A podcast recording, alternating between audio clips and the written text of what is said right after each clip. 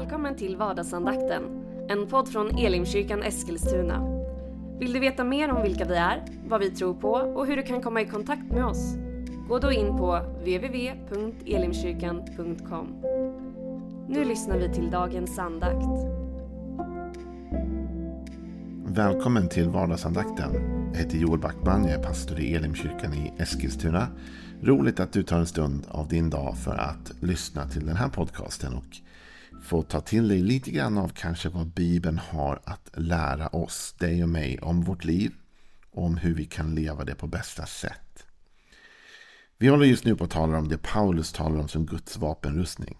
Och jag har varit noga med att lägga en liten ingress i varje eh, podd om att det handlar inte om en fysisk vapenrustning. Idag har vi ju krig och oroligheter runt omkring oss. Och man kan ju få för sig att Jesus då skulle tala om och Paulus skulle tala om fysiska vapen.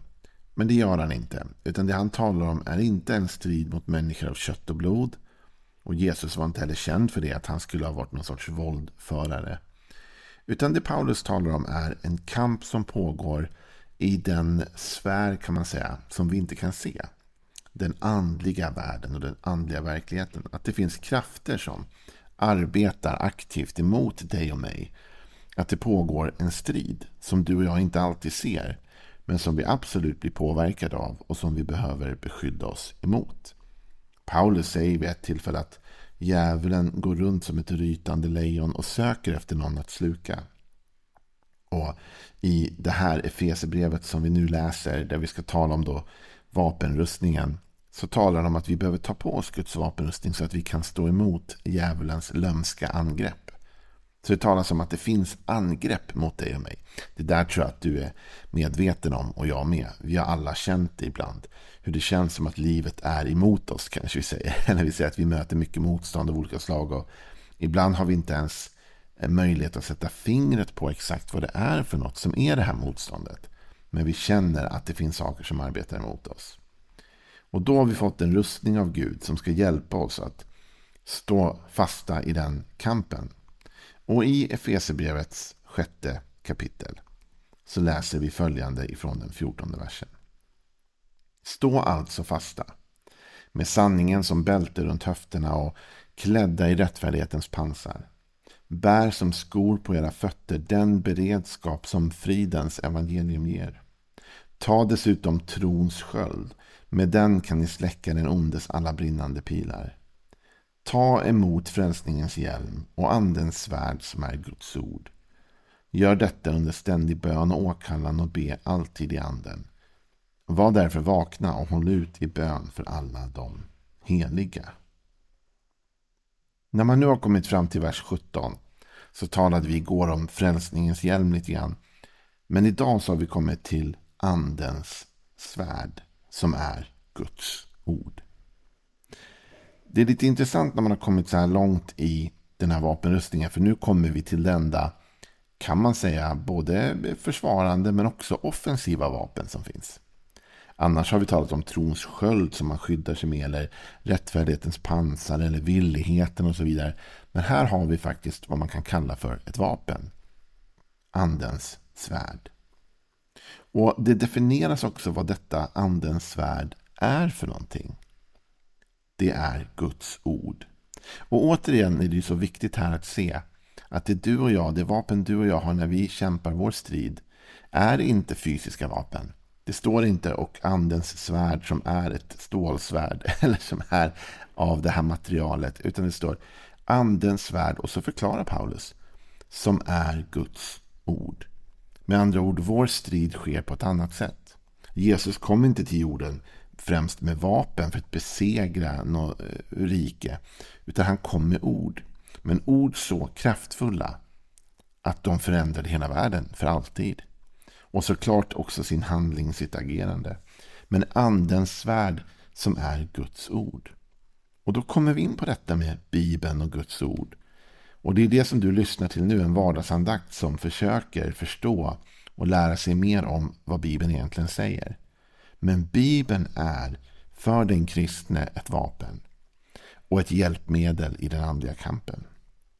Och jag tänkte nu idag att under den här tiden vi har kvar av den här andakten skulle jag vilja visa dig på att det här svärdet har kan man säga två tydliga funktioner.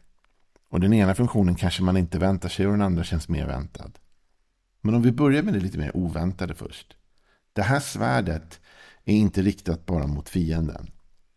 Det här svärdet är inte till bara för att besegra de som kommer emot oss. Det här svärdet har faktiskt en funktion in i ditt och mitt liv. Det är på ett sätt vänt emot oss. Och så här står det i Hebreerbrevet 4 och vers 12. Guds ord är levande och verksamt. Det är skarpare än något tvegat svärd och genomtränger tills det skiljer själ och ande, led och märg och dömer över hjärtats uppsåt och tankar. Och inget skapat är dolt för honom, utan allt ligger naket och blottat för hans ögon. Och inför honom måste vi alla stå till svars. Gud och hans ord är ju såklart ett. Jesus är ordet, säger Johannes. Men här talas det om ett tvegat svärd som genomtränger oss själva. Det här ordet är, är så starkt och så skarpt att det skiljer själ och ande, led och märg åt. Och det blir en domare över vårt eget hjärta. Så när du och jag på allvar börjar läsa Bibeln så blir det delvis ett skydd som jag kommer komma till snart, mot den onde och en möjlighet vi har att också använda som ett vapen i den andliga kampen. Men det blir också någonting som börjar ta tag i oss och ta itu med oss. Ordet genomtränger oss. När vi läser Jesu undervisning och Paulus och vi läser genom Bibeln, då märker vi att de här orden är så vassa att de börjar skära i oss. De börjar separera det själsliga och det andliga.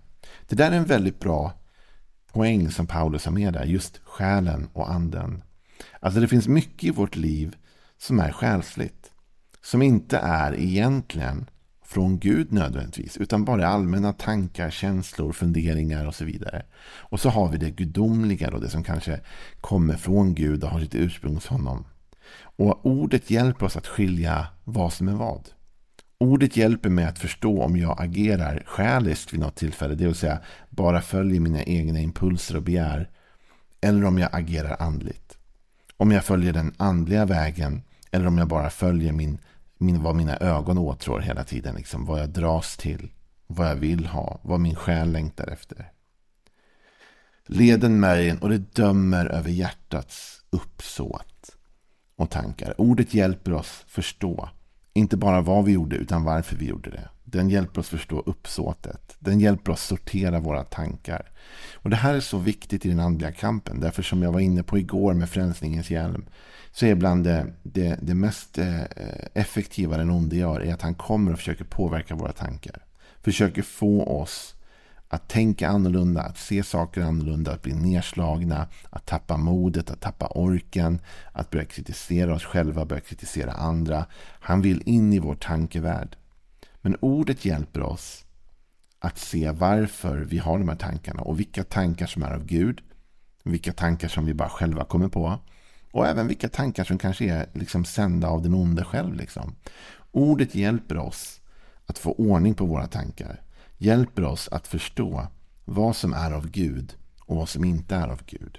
Så när du och jag läser Bibeln, då blir den också ett skydd för oss. Därför ju mer bibelkunskap vi har och ju mer vi har lärt oss av den här boken, ju lättare kommer vi ha att sålla i livet vad som är från Gud och vad som inte är från Gud. Och det där är inte helt enkelt. Det kommer ta hela livet att liksom ständigt lära sig, men ordet hjälper oss. Men det andra som ordet gör, förutom att det sållar i vårt eget liv och hjälper oss att sortera upp vårt eget hjärta och våra egna tankar, är att det blir ett skydd och ett vapen vi kan använda i den andliga kampen. Så när den onde kommer emot oss så kan vi använda ordet tillbaka. Och Det finns ett så bra exempel på detta i Bibeln. När Jesus blir frestad av djävulen och han använder sig av detta andens svärd som ett försvar. Vi kan läsa den från Lukas 4 och vers 1. Uppfylld av den helige ande återvände Jesus från Jordan och leddes av anden omkring i öknen. Där frestades han av djävulen i 40 dagar och under de dagarna åt han ingenting och när de var slut blev han hungrig. Då sa djävulen till honom Om du är Guds son, så befall den här stenen att bli bröd. Jesus svarade honom, det står skrivet, människan lever inte bara av bröd. Då tog djävulen med honom högt upp och visade honom för ett ögonblick världens alla riken. Och djävulen sa, dig ska jag ge all denna makt och deras härlighet, för den är överlämnad åt mig och jag ger den till vem jag vill. Så om du tillber mig blir allting ditt. Jesus svarade, det står skrivet, Herren din Gud ska du tillbe och endast honom ska du tjäna.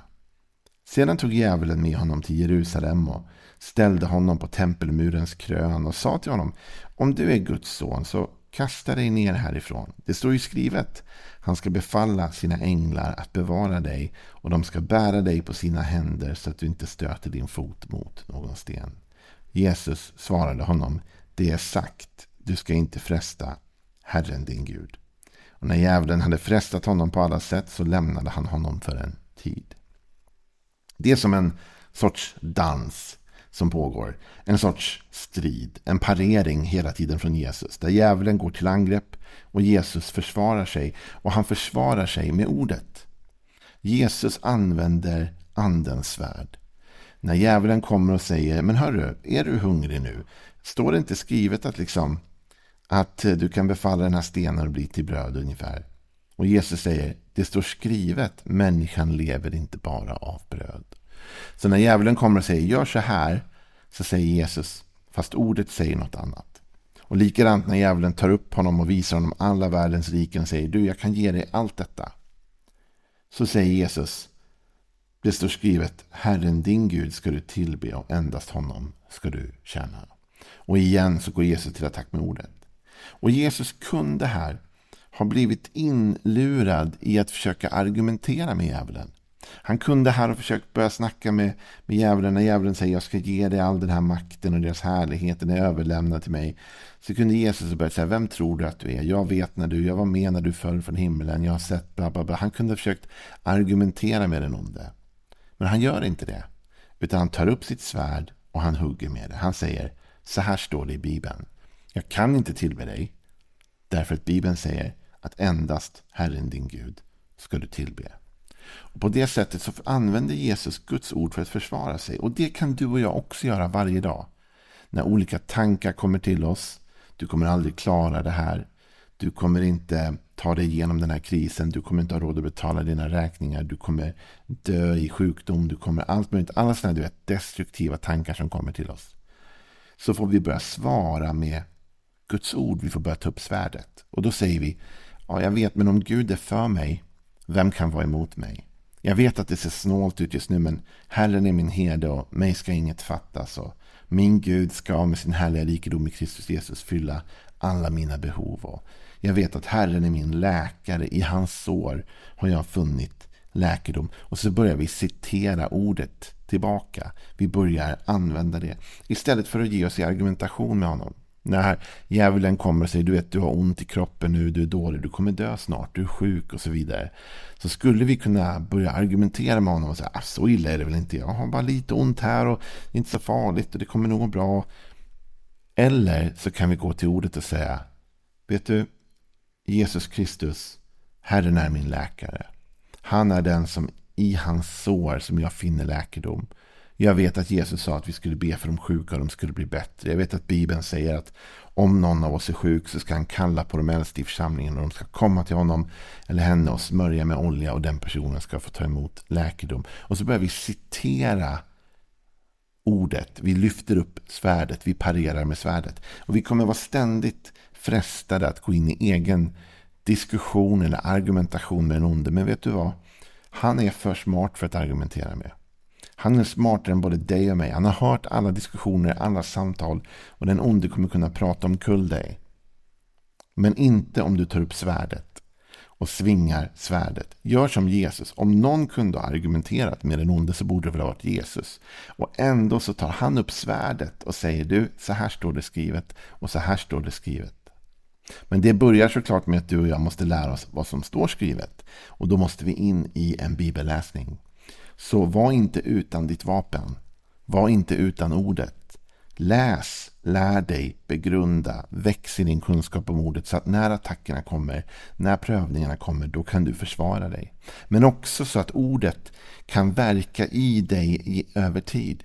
Så att du kan lära dig att skilja på vad som är från Gud och vad som är från världen och vad som är från den onde. Du lär dig, för det här ordet är så vasst att det separerar i oss det andliga från det själsliga. Så unna dig att vara förberedd. Unna dig att vara redo. Läs Bibeln, begrunda Bibeln och väx med denna kunskap. För det är detta vapen som du och jag har till vårt försvar, Andens svärd. Så Paulus sa igen då, ta emot frälsningens hjälm och Andens svärd som är Guds ord. Imorgon fortsätter vi med några tankar till ur detta, så missa inte det. Ha en välsignad dag så hörs vi imorgon igen. Hej! Har nu lyssnat till vardagsandakten från Elimkyrkan Eskilstuna. Du har väl inte missat att vi finns på sociala medier? Eller att vi varje söndag firar gudstjänst? Hoppas att vi ses där.